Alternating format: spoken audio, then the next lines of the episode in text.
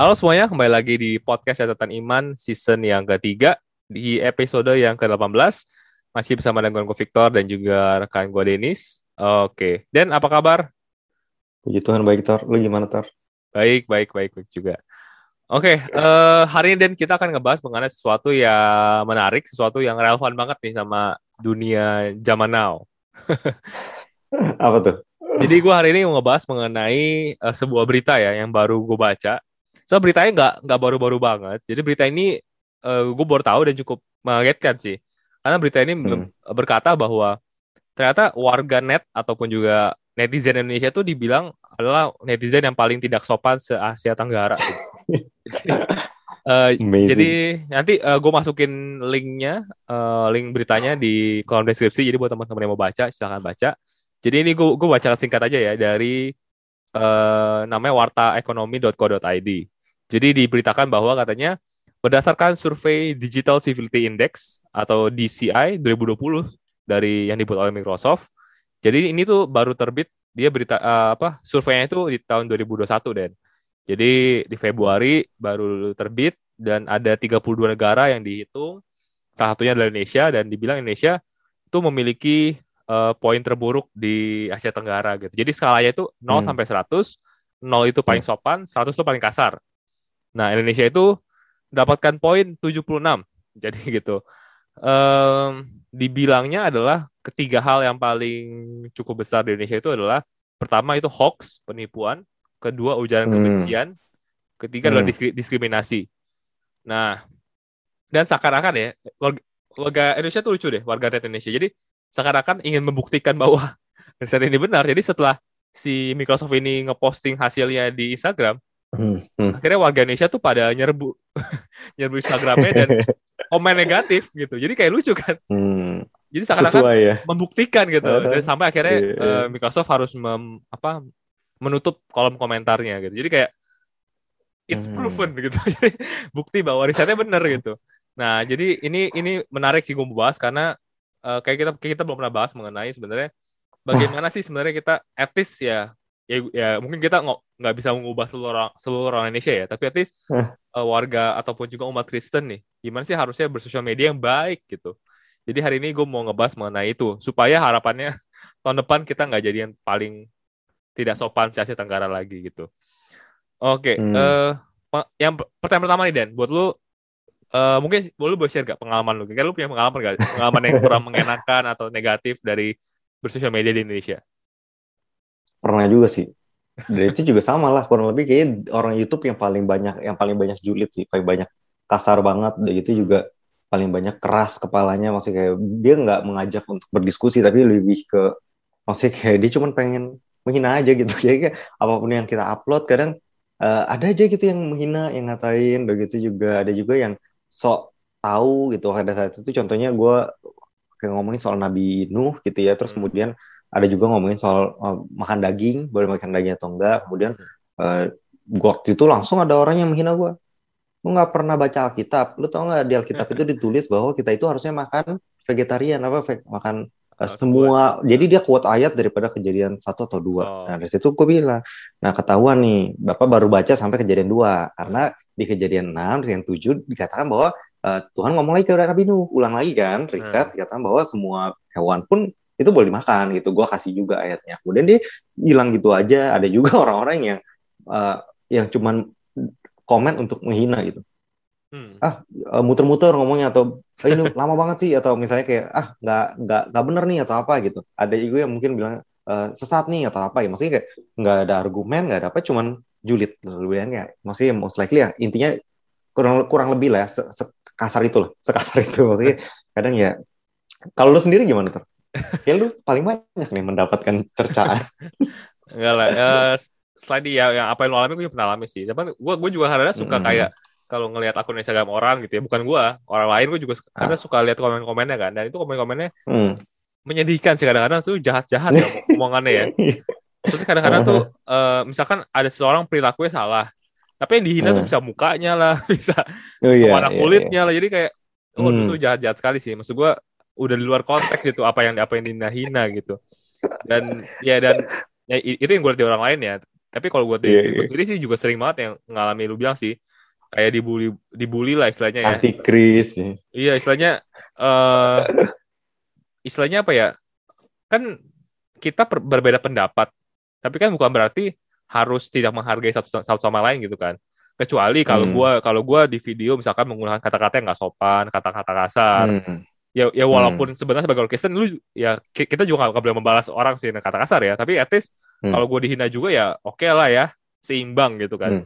tapi kan kalau hanya berbeda argumen terus kita dihina-hina kan itu sebenarnya nggak eh, nggak nggak Hmm. valid ya dan gue pernah mengalami Hmm. tuh kayak gue di diserang gitu ya bahkan sampai diserangnya ada sampai akun pribadi juga diserang gitu yang nggak related gitu Oh. kan Hmm. Eh, bahkan tapi yang yang menariknya adalah orang-orang ini tuh berani buat berpendapat tapi mereka nggak berani buat menunjukkan dirinya gitu jadi Hmm. yang gue perhatikan biasa orang-orang seperti ini mereka menggunakan akun-akun anonim gitu akun-akun yang bohong yang namanya tuh aneh-aneh gitu jadi Hmm. ya lucu aja gitu maksud gue kalau kalau lu berani untuk berpendapat ya lu juga sebenarnya dong menunjukkan diri lu gitu Tuh. bahkan ada lebih lucu lagi waktu itu jadi ada ada orang yang dia mengkritisi video gua kan jadi video gua kayak Oh. diambil terus dia bikin video lagi video lagi Wah. Dia diskusi sama orang gitu kan mengenai ya mungkin kesalahan gua dan segala macam which is gua nggak masalah Iya, menurut gua valid valid iya. aja tapi yang lucunya hmm. di video itu ya mereka zoom zooman kayak gini Den tapi Mhm. mereka nggak berani nunjukin nama nggak berani nunjukin muka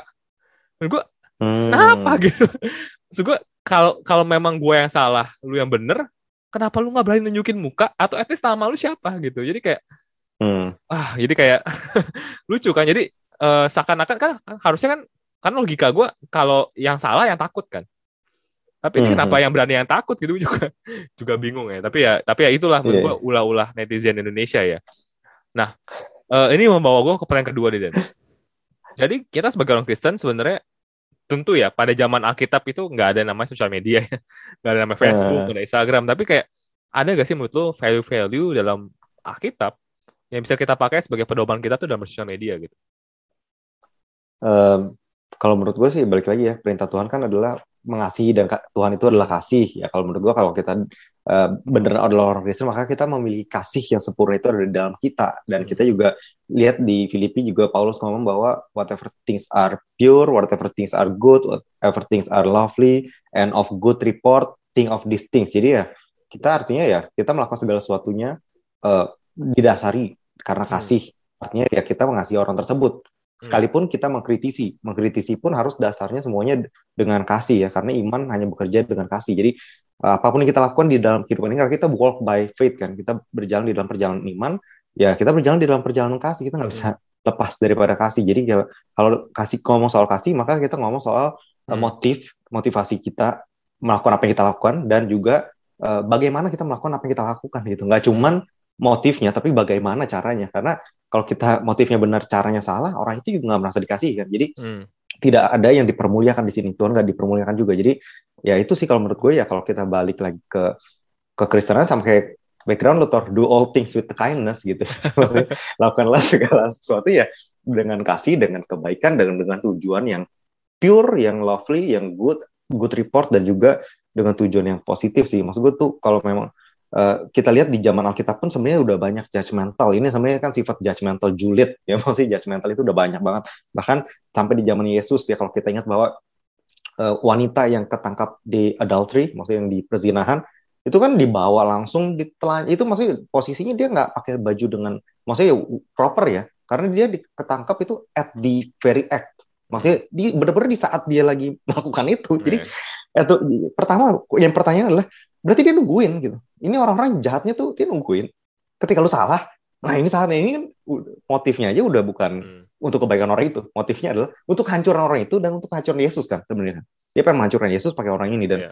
dia langsung datang membawa wanita ini tanpa laki-lakinya. Karena apa? Laki-lakinya most likely adalah jebakan dari mereka sebenarnya. Ada di situ juga. Jadi memang lakinya itu dipakai ini lu jebak untuk kita jebak Yesus. Jadi ini benar-benar itu tingkah laku yang tidak proper dan dan kalau kita lihat ya apa yang Yesus katakan pertama ketika Yesus mendengar judgmental itu dia diam dia cuma menulis di tanah dan ketika masa terus memaksa akhirnya dia cuma bilang siapa pun yang nggak pernah berdosa hendaklah dia melempar batu. Hmm.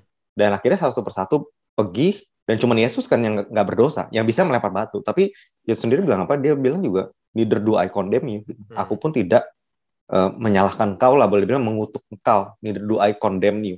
Hmm. go and sin no more. Dia cuma memberikan uh, apa ya pesan dengan kasih bahwa pergi dan jangan jangan buat dosa lagi. Karena dosa itu menghancurkan orang itu. Tapi ya yeah. kalau kita lihat di sini kan bahwa Yesus adalah satu-satunya orang yang paling punya hak untuk ngejulitin orang ini. Boleh Betul. bukan ngejulitin doang. Maksudnya untuk membunuh orang ini dengan batu. Karena itu memang proper pada saat uh, hukum Taurat ya. Kalau orang tangkap ya dia ya boleh boleh dilempar batu. Tapi bahkan Yesus kenapa dia proper? Karena pertama bukan cuma dia Tuhan tapi dia tidak berdosa kan? Jadi dia dia bilang oh, siapa yang nggak berdosa boleh. Dan dia doang satu-satunya. Jadi dan dia pun nggak memakai itu. Jadi kalau kita kita orang Kristen udah kita juga hidup maksudnya kita juga masih melakukan dosa, oke kita juga kita ditebus, tapi bukan berarti kita nggak melakukan dosa sama sekali kan? Karena kalau kita bilang kita nggak melakukan dosa, kita adalah pembohong. Itu di kitab Yohanes. Tapi ya baik lagi, maksudnya kalau ya kita harus be gracious lah pada orang lain, be humble, be gracious supaya kita sendiri juga tidak dicobai. Yesus juga ngomong bahwa kita jangan sampai kita ke titik di mana kita judgmental, jadi kita, jadi kita sendiri yang dicobai oleh apa yang kita katakan. Betul, Karena betul. dengan measurement yang kita pakai ke orang lain, maka measurement itu akan dipakai kita. Hmm. Jadi kalau kita menghina orang, dengan measurement itu juga kita kalau kita nggak bisa measure ke standar itu, maka kita akan jatuh gitu, fall from hmm. grace gitu. Jadi ya itu yang kalau menurut gue ya kita dalam Kristenan motifnya semua balik lagi harus ke love dan cara kita menyampaikan juga harus dengan kindness, dengan love supaya make sure orang itu juga merasa bahwa kita nggak lagi condemn dia karena condemnation itu dari iblis dan make sure kalau kita nggak menjadi kaki tangan iblis di dunia ini sih itu aja kalau menurut gue sih ya, kalau ya. menurut lu gimana Tar? Setuju sih, maksud gue uh, kasih itu pasti jadi suatu yang core-nya ya intinya ya Betul. Uh, tapi kalau nah. mungkin gue bisa tambahkan, mungkin ada satu ayat sih yang uh, menurut gue bikin apa bisa jadi satu value yang kita bisa pegang adalah di 2 Korintus 5 ayat 20. Uh, gue baca dalam terjemahan Made Message. Jadi dikatakan bahwa we are Christ representative. Uh, God use us mm. to persuade men and women to drop their difference and enter into God's work of making things right between them. Jadi kayak uh, gue suka ini karena nih di sini dengan jelas dikatakan bahwa kita ini tuh perwakilan yeah. Tuhan gitu. Jadi kalau istilahnya hmm, tindakan kita, perbuatan kita, perkataan kita tuh uh, mewakili Tuhan, merepresentasikan wow. Yesus gitu. Jadi menurut gua, apalagi kita bersosial media ya Dan, maksud gua itu kan wow. di suatu media yang semua orang bisa lihat, Kristen ataupun juga non Kristen gitu. Jadi kayak uh, kalau tindakan kita misalkan atau perkataan kita itu nggak sopan, kasar, otomatis orang-orang non Kristen akan melihat, oh itu Yesus juga begitu gitu. Nah, kita kan jadi hmm. jadi misrepresent Yesus ya jadinya ya. Nah, menurut gue itu ya, yang kita true. jadi perlu hati-hati banget. Tapi kita uh, apa kan orang Kristen gitu ya. Dan kayak uh -huh. apa kalau gue kasih analogi misalkan kita uh, lagi jalan ya, lagi jalan uh, di luar atau di mall gitu ya. Kita ngeliat ada hmm. misalkan ada anak-anak yang uh, masih kecil tapi ngomong kasar gitu misalnya udah ngomong A pip gitu B pip gitu hmm. nah atau kita hmm. pasti hmm, mikir hmm wah ini orang tuanya nggak bener nih masa yeah. pasti kita kan kita nggak akan nyalain anaknya kita nyalain orang tuanya pasti ngajarinnya nggak bener nah menurut gua apalagi Tuh. kita gitu kita semua disebut sebagai anak-anak Allah loh jadi kayak kalau kita oh. kalau kita tindakan kita begitu pasti dia ngeliat wah wah eh, Tuhannya nih pasti salah jadi kayak sedangkan kan so uh, kita nggak diajarin begitu di firman Tuhan kan jadi menurut gua oh, penting banget untuk kita mengerti dan bersikap di sosial media bahwa kita ini anak-anak Allah gitu nah Hmm, hmm. pertanyaan oh. berikutnya Dian. Tadi sebenarnya lu udah sempat nyinggung dikit nih, Dian. Bahwa kan kita mengerti bahwa sebenarnya kasih itu kan nggak selalu berupa apresiasi, nggak selalu berupa konfirmasi, tapi ada juga terkadang hmm. saat kita mengkritisi seseorang itu juga sama bentuk kasih kan. Uh, makanya kan ya yang bilang tadi Yesus Yesus bilang pun juga ya go out and sin no more. Berarti kan deh Yesus pun tahu bahwa yeah. wanita itu berdosa gitu. Dia ya seakan-akan dia ngomong hmm. bahwa ya, ya lu berdosa tapi jangan dosa lagi ya gitu. Tapi kan nah Hmm. Intinya adalah kalau berarti kan ya kalau ada terka, apa ada orang salah ya kita juga teguran itu pun bisa dalam bentuk kasih. Nah masalahnya Betul. di sosial media kan kita ngelihat banyak sekali konten-konten yang we know for sure itu ngaco, itu salah, hmm. itu sesat gitu kan. Hmm. Dan mungkin uh, ya untuk konten-konten seperti ini kita perlu kritisi gitu kan. Nah menurut hmm. lo bagaimana cara kita bisa mengkritisi dengan benar gitu? Uh, kalau gue sih belajar dari banyak banyak dari lu ya Tore. Oh. Kalau ketika kadang ke jadi kalau lu kan waktu itu lu sistemnya adalah apologis ya. Apologis itu tuh sebenarnya bukan kita memberitahu apa yang benar, tapi sering kali kita menanyakan, maksudnya cuma menggali kenapa orang ini percaya apa dia percaya, kemudian kenapa orang ini bisa ngaco, dan dari situ akhirnya kita bisa mempertanyakan hal-hal yang bisa membawa dia kepada ya akhirnya dia eh, iya juga ya gitu. Maksudnya kita nggak hmm. perlu kayak ini loh yang benar atau apa. Itu salah satu cara. Kemudian juga kalau memang uh, kita juga mau mengkritisi dengan lebih mengasihi bisa juga kita langsung kontak orangnya bisa lewat kan kalau di YouTube ada emailnya atau ada email pribadi atau kita boleh cuma diskusi ngobrol kayak awalnya kita boleh diskusi dikit nggak bro? Atau misalnya di komen komentar juga nggak masalah sih kalau menurut gue cuman ya baik lagi maksudnya kalau kita datang langsung kita nggak belum kita ngomong sopan apa pun belum kita langsung menyerang ya berarti itu bukan dengan kasih ya. Karena hmm. gue percaya bahwa kayak Tuhan Yesus juga bilang neither do I condemn you yang pertama dia kasih adalah dia gracious dulu kan. Dia memberikan grace-nya dulu gitu. Sama kayak kita dia memberikan kita keselamatan dulu di awal gitu Hmm. Dia dia mati dulu, dia kasih kita keselamatan, baru kita hidupin kan. Jadi hmm. kita harus tahu ke kita dari awal bukannya kayak orang Farisi yang lu salah lu selalu salah tapi kita harus hmm. lebih gracious dulu pada orang tersebut sejauh apa dia salah kalau memang karena gini loh kita nggak akan pernah bisa membenarkan semua orang kemudian Betul. kita juga belum tentu benar Iya kan kita juga belum tentu benar jadi lebih baik kita berdiskusi daripada kita membenarkan gitu kalau misalnya kita ngomong soal doktrin karena kalau kita membenarkan berarti kita udah pasti benar ini harus ada harus ada apa ya basisnya. Kalau hmm. kalau kita mau membenarkan orang. Tapi kalau kita juga nggak punya basis dan ya kita better berdiskusi. Kalau kita memang kita berpikir ini salah nih tapi diskusi juga bisa ujungnya ber, berdasarkan basis kok. Jadi ya kalau menurut gue sih ya itu sih. Dan balik lagi kalau menurut gue adalah kalau kita memang mengasih seorang hmm. ya se sebelum apa pun yang kita lakukan terutama mengkritisi yang akan kita lakukan pertama kali adalah kita mendoakan orang itu. Karena kalau kita bisa mengkritisi orang itu maka kita lebih baik kita bisa mendoakan orang itu juga. Jadi yeah.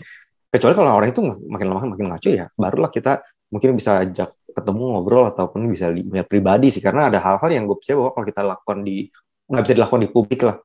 Maksudnya kayak terutama kalau keteguran nggak ada orang yang senang ditegur di publik semengasihi apa pun kita. Maksudnya iya nggak sih kalau dulu di kantor saya tuh maksudnya kayak contohnya bos lu bilang saya tuh sebenarnya uh, senang kamu tapi kamu tuh kurang bagus sih Nah, hilang nih pujiannya hilang. Karena di depan banyak orang kan. Harusnya kan dipanggil berdua, kemudian di depan banyak orang ya mungkin lebih banyak uh, encouragement daripada uh, rebuke ya. Hmm. Nah, tapi kan kalau dari kalau dari YouTube ya kalau menurut gue sebaiknya sih. Lebih banyak lah kita menghabiskan waktu untuk mendoakan orang daripada mengkritisi orang. Dan kalau memang orang itu ngaco pun lakukanlah dengan kasih. Dan kalau bisa private ya private. Kalau memang nggak bisa ya udah tapi ada juga memang false teacher. Kalau false teacher ini beda. False, false teacher ini orang yang tahu dia salah dan dia sengaja menyalahkan. Hmm. Nah, untuk orang-orang kayak gini, lu nggak bisa benerin. Salah satu satu-satunya cara adalah lu langsung komen di kolom komentar uh, dengan basis doktrin yang lu tahu. Hmm. Jadi kalau misalnya di uh, Amerika kan ada progressive Christianity yang kayak waktu itu kita udah sempat bahas. Yeah. Dia mengambil ayat Alkitab, dia transfer maksudnya bener-bener ke sesuatu yang dia nggak bawa orang tuh totally wrong gitu. Jadi ini udah jelas-jelas dia tahu dia salah dan dia sengaja. Ini memang dia false teacher. Nah kalau false teacher ya lu nggak bisa, lu nggak per, percuma lu berargumen sama dia karena dia tahu dia salah dan dia memilih untuk itu. Jadi salah satu cara adalah lu komen dengan basis uh, langsung aja kasih penjelasan supaya hopefully ada satu dua orang yang nonton itu yang lihat dan dia jadi tahu ini ini yang benar gitu. Hmm. Kalau gue bilang sih itu. Jadi kita juga harus tahu ya, ya, ya kepada ya. siapa kita ngomong karena memang kalau wolf ya kita nggak bisa berdiskusi dengan mereka gitu. Betul. Itu sih kalau menurut gue. Kalau menurut lu gimana? Iya, ya, uh, gue setuju sih. Um, kalau gue sih mungkin kalau gue tambahkan adalah pertama sih menurut gue kita perlu pahami dulu sih, maksudnya perlu memahami dulu bahwa sebenarnya sosial media itu bukanlah media yang efektif untuk mengubah seseorang. Jadi Uh, susah untuk kita bisa bisa berdebat dengan seseorang melalui sosial media, terus orang itu, oh saya merasa saya salah, saya sorry gitu, berubah iya, iya, itu susah, susah sekali. Betul. Jadi menurut gue pertama itu dan kedua adalah menurut gue uh, orang lain itu kan di luar kontrol kita ya. Kita tuh nggak bisa mengubah orang hmm. lain kan. Jadi sebenarnya gue itu Betul. yang perlu. Tapi kadang ada orang yang suka ngotot di sosial media itu karena mereka merasa bahwa ya lu harus berubah sesuai dengan gue gitu. Nah itu kan sebenarnya eh, nggak uh, bisa gitu kan. Uh, kita perlu pahami hmm. dua hal itu dulu dan yang ketiga adalah kita perlu pahami bahwa jangan sampai dalam prosesnya kita ngasih tau dia dia benar gitu mengkritisi dengan baik kitanya juga jadi ikut berdosa gitu jadinya betul uh, nggak hmm. nggak fruitful betul. juga kan gitu jadi menurut gua betul. pertama sih menurut gua filternya itu adalah walaupun ya ada konten-konten yang ngeselin konten-konten yang kayak wah ini pantas dihina ini misalkan tapi menurut gua filternya itu di kita dulu gitu Hmm. filter di kita menurutku filter yang pertama yang perlu kita pakai adalah eh, kalau gue ya eh, Aha. kalau lu nggak bisa ngomongin ini kalau lu nggak bisa ngomongin kalimat yang lu tulis itu kepada orang lain ya secara langsung. Mending mending gak usah tulis. Mhm. gitu. Hmm. karena ada beberapa orang yang dia hanya berani tulis di komen gitu. Tapi kalau andaikan dia Hmm. ngomong langsung gitu sama orangnya bisa telepon ataupun zoom gitu ketemu muka ketemu muka dia dia nggak dia nggak kagak berani ngomongnya gitu. Nggak berani. tapi Hmm. dia berani dia berani hanya hanya kalau komen tulis. Nah menurut gua kalau kayak Oh, begitu mendingan mendingan nggak usah. Karena sebenarnya it's not who you are gitu. Itu bukan diri lu. Ya, karena agree. eh, lu hanya berani karena lu pakai akun anonim ataupun karena palsu ya. Ah. ya abis lu komen lu kata-katanya lu bisa tinggal gitu tapi kalau lu Hmm, hmm. diperhadapkan dengan konsekuensinya dengan tanggung jawab lu kan semua tanggung jawab kan saat lu berkata lu tanggung Hmm, jawab kan hmm. itu lu Betul. nggak lu nggak berani ngomong mending gak usah mendingan jadi itu menurut gua, Oh. filter pertama sih kalau lu nggak bisa ngomongin secara langsung kepada orangnya mendingan gak usah komen Heeh. terus yang kedua Hmm. eh, yang menurut gua adalah eh, stop sebelum posting jadi eh, Hmm. ini pun eh, sering gue lakukan sih. Walaupun mungkin gue pun juga gue pun juga tidak sempurna ya. Mungkin ada beberapa eh, hal-hal yang perkataan gue mungkin yang salah juga bisa jadi. Tapi Hmm. gue selalu mencoba melakukan ini adalah misalnya ada orang yang komen ke video dalam video gue terus kan gue reply kan.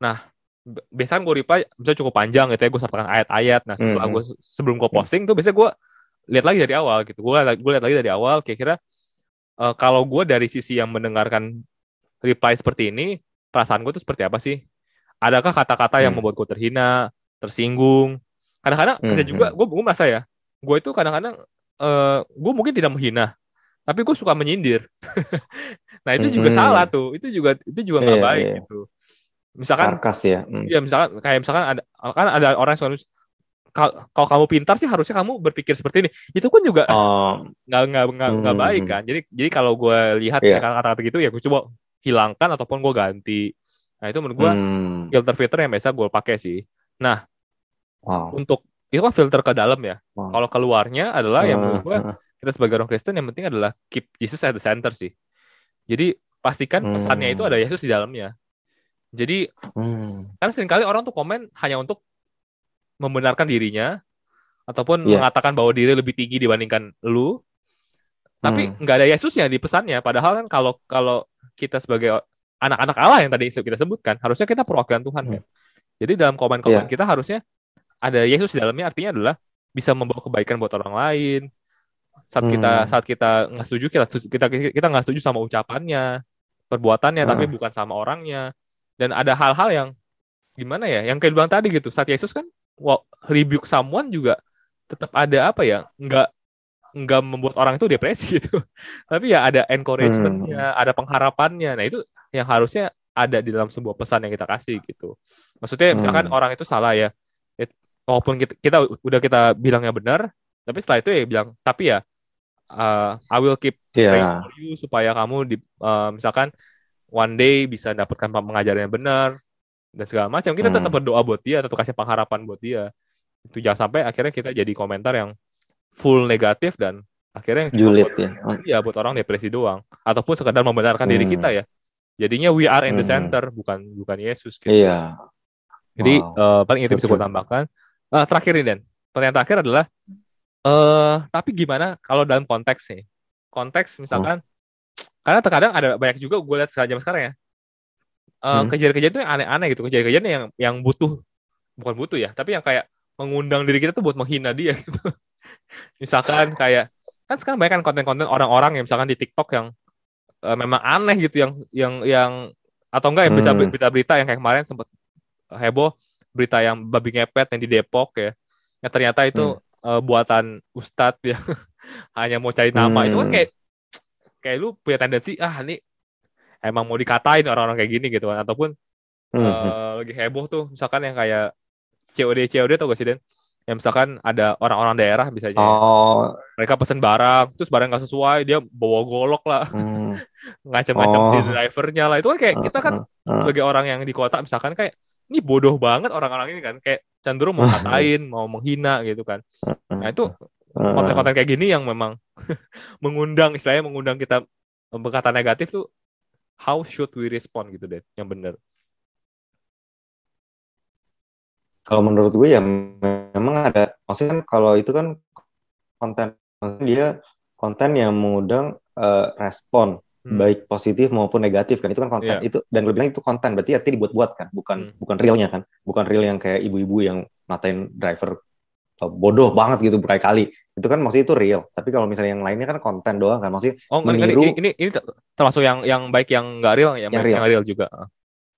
oh kalau untuk yang real sih kalau menurut gue ya ya udahlah maksudnya udah banyak yang ngatain ya. Maksudnya kita nggak per- nggak perlu nggak perlu ikut campur lagi lah kalau Iya, iya. kalau ngomongin yang soal yang real. Maksudnya karena udah Hmm. udah banyak yang yang menghina juga gitu. Jadi kita cuma one of a kind di, di antar komen. Kita mau kasih komen positif juga nggak kelihatan. Jadi jadi eh, ya menurut gue sih udahlah itu mah nggak perlu dibahas. Tapi kalau misalnya yang konten yang minta respon kalau menurut gue sih ya balik lagi kita bisa merespon itu dengan either way eh, daripada kalau menurut gue sih daripada kita masalah gini kalau misalnya kita mengikuti apa yang merespon sesuai dengan yang karena eh, ada konten yang memang dia berharap respon-respon negatif gitu Hmm.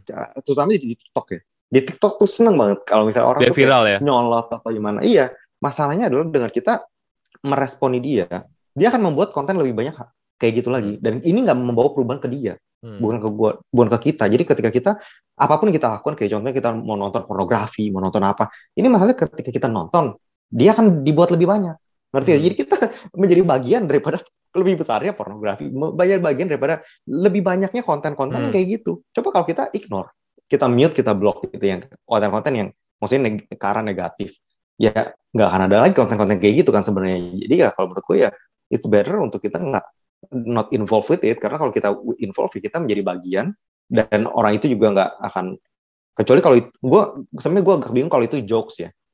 Kalau itu jokes apakah boleh atau enggak kalau menurut gue sih tetap sebagai orang Kristen ya gue nggak berus gue gue berusaha di tengah nih. Gue nggak mau terlalu strict ya. Maksudnya kalau terlalu strict Iya, juga kayaknya oh berarti kita nggak boleh nonton apa pun nih Netflix nggak boleh karena ada bagian-bagian yang dia ciuman dia Hmm. tidur bareng. Nah tapi gue juga maksudnya gimana ya gue ini gue perlu menanyakan ke lu sih Tam.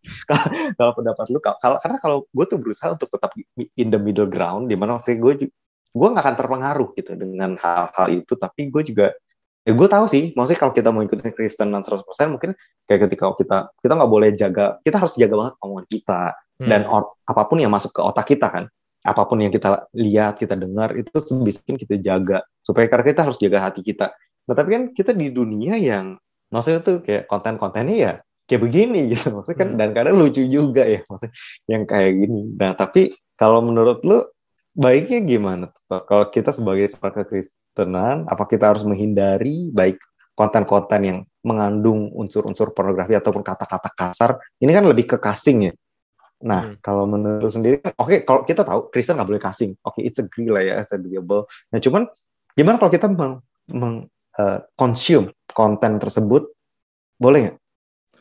eh consume sih sebenarnya back again sih maksud gue kalau memang lu lu sebagai seorang Kristen udah punya value yang benar ya lu tahu yang mana yang benar dan lu sih kalau lu tahu yang mana yang benar lu tahu sebenarnya apa yang lu butuhkan apa lu nggak lu nggak butuhkan jadi kalau memang sesuatu itu Hmm. konten itu nggak lu butuhkan contoh kalau jokes itu mungkin masih bisa buat entertainment lah ya tapi kalau misalkan hmm. jokes yang keterlaluan, jokes yang kotor, kan lu tahu sebenarnya nggak Hmm. berguna kan? Karena lu tahu sebenarnya ada jokes lain yang bisa Hmm. menghibur lu tanpa konten porno ataupun yang lain. Nah, menurut gue itu ya lu buang aja. Ah.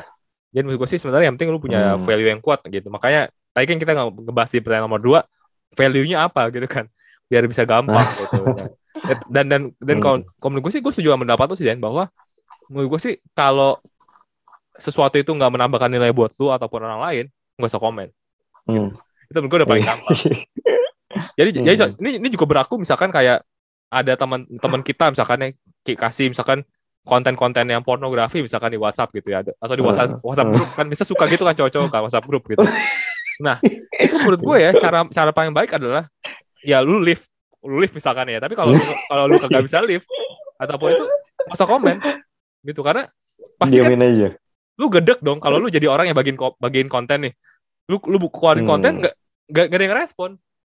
Kan Hmm. lama-lama lu malas sendiri kan. Akhirnya ya lu Iya, iya, iya. akan cari grup lain ataupun juga teman lain. Nah, Yang ya? respon. Hmm. paling gampang adalah kalau lu nggak setuju sama seseorang ataupun juga menurut lu itu nggak mendapat nilai, lu nggak usah komen gitu. Karena Hmm.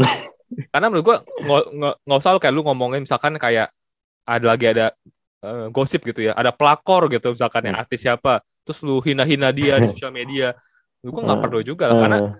Itu nggak menambahkan nilai buat lu dan juga orang lain. Itu satu. Terus kedua adalah Betul. yang gue perhatikan ya, ini biasanya ya, nggak semuanya, tapi biasanya orang yang suka menjatuhkan orang lain di sosial media, biasanya dia itu nggak lebih Ah. tinggi dibandingkan orang yang yang dia mau jatuhkan biasanya. Jadi jadi makanya biasanya Oh, kalau ada nice. ini yang gue perhatikan ya, kalau ada artis-artis gitu ya, melaporkan akun-akun tertentu karena pencemaran nama baik, karena penghinaan gitu ya.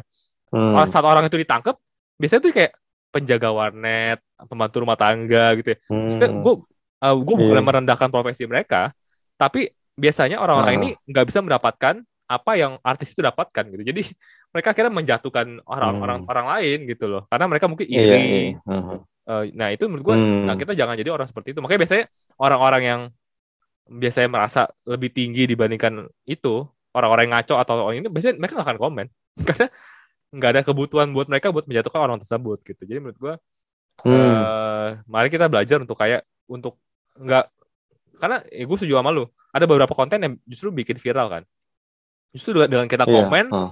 walaupun komen kita sebenarnya negatif tapi mensupport dia sebenarnya biar viral Support ya, terus. jadi menurut gue Mhm. kita harus lebih dewasa jadi menurut gue kalau ada hal-hal yang nggak memberikan nilai dalam kehidupan kita yang usah di komen lah ngapain gitu kan Hmm. oke Hmm. eh, udah cukup panjang Den terakhir ada yang mau tambahin nggak Den mengenai sosial media ini menurut lu Oke, udah cukup lengkap sih Tor. Dan gue juga udah um, banyak repan apa ya uh, bertobat juga nih sepanjang sepanjang kita ngobrol. Karena lu tadi ngomong tuh bagus juga tuh ada ayat yang kayak kita dalam uh, the Christ representative ya, maksudnya lu ambil dari Roma ya itu bener banget sih itu kayak mengingatkan diri lagi ya bener juga.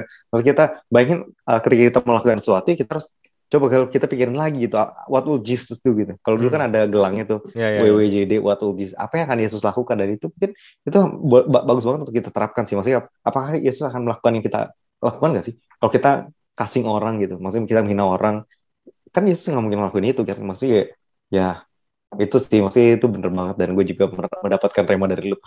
Jadi udah nggak udah cukup lengkap lah kalau menurut gue gitu. Kalau lu tuh ada yang lu pengen tambahin Eh, satu hal sih satu hal singkat adalah mungkin kalau dalam sosial media ya eh, mungkin yang bisa lama adalah jangan mudah jangan mudah dipengaruhi. Karena terkadang kan sosial Hmm. media kan identik dengan kita follow seorang follow bisa akun-akun orang yang kita eh, sukai atau kita idolai.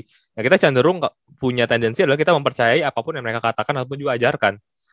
Tapi terkadang Hmm. nggak semuanya itu benar gitu. Walaupun bak- bahkan pendeta sekalipun ya. Kan ada orang yang Hmm. suka wah saya idola pendeta ini jadi apa pun Iya, yang pendeta iya, dikatakan pasti benar belum tentu Pasti benar. juga gitu jadi kayak gue ambil contoh kayak gue gue adalah termasuk orang yang pro Jokowi gitu gue orang yang memilih Jokowi di pemilu dan gue pun ada di YouTube Hmm. ya gue follow akun bazarnya Jokowi gitu jadi akun bazar ini Hmm. kayak dia selalu setiap hari bikin video kayaknya hampir semua kebijakan Jokowi itu pasti bener deh jadi kayak semua Hmm. orang yang melawan Jokowi itu pasti dibikin video itu salah lah ataupun nah tapi walaupun gue Hmm. orang pro Jokowi tapi gue tetap merasa bahwa ada kebijakan Jokowi yang memang salah gitu loh yang memang harus salah dan Hmm. dikritisi nggak perlu dibenar-benerin gitu nah jadi eh, tapi iya, iya. eh, ya ya gue jadi walaupun gue follow akun itu gue tahu gitu ini akun ini ngaco juga kadang-kadang nah ya menurut gue makanya kita Hmm. penting banget sebagai orang Kristen kita juga punya value-value dari firman Tuhan gitu jadi mau kita follow Hmm. akun siapa pun yang kita idolai di sosial media kalau mereka salah kita tahu salah gitu jangan gampang jangan gampang dipengaruhi Hmm. gitu karena kayak di Amerika tuh gampang Hmm. tuh dan misal ada orang suka Rihanna terus Rihanna one day eh ngevote ataupun juga setuju sama aborsi misalkan terus fansnya pada setuju Hmm. gitu karena menurut dia ya Ya, oh ya, Rihanna pasti nggak mungkin salah atau apa pun itu lah jadi Ah. kayak this is Hmm. wrong gitu maksud gue ya lu harus punya Ya. stand juga di sosial media nggak boleh cuma ingin Ya. uang gitu sih betul agree wow oke eh, so mungkin sekian dulu buat eh, kita podcast kali ini semoga podcast kali ini bisa membawa hal-hal baik buat kita semua dan hopefully tahun depan saat Microsoft melakukan riset lagi kita nggak lagi menjadi negara paling tidak sopan se Asia Tenggara, at least kita jadi kedua tidak sopan lah, ataupun ketiga, keempat lah, jangan jadi yang pertama lagi nih. Oke, so sekian dulu buat podcast kali ini. Kita ketemu di minggu depan dengan topik-topik yang kalah menarik. So see you guys in next episode. Tuhan Yesus memberkati. berkati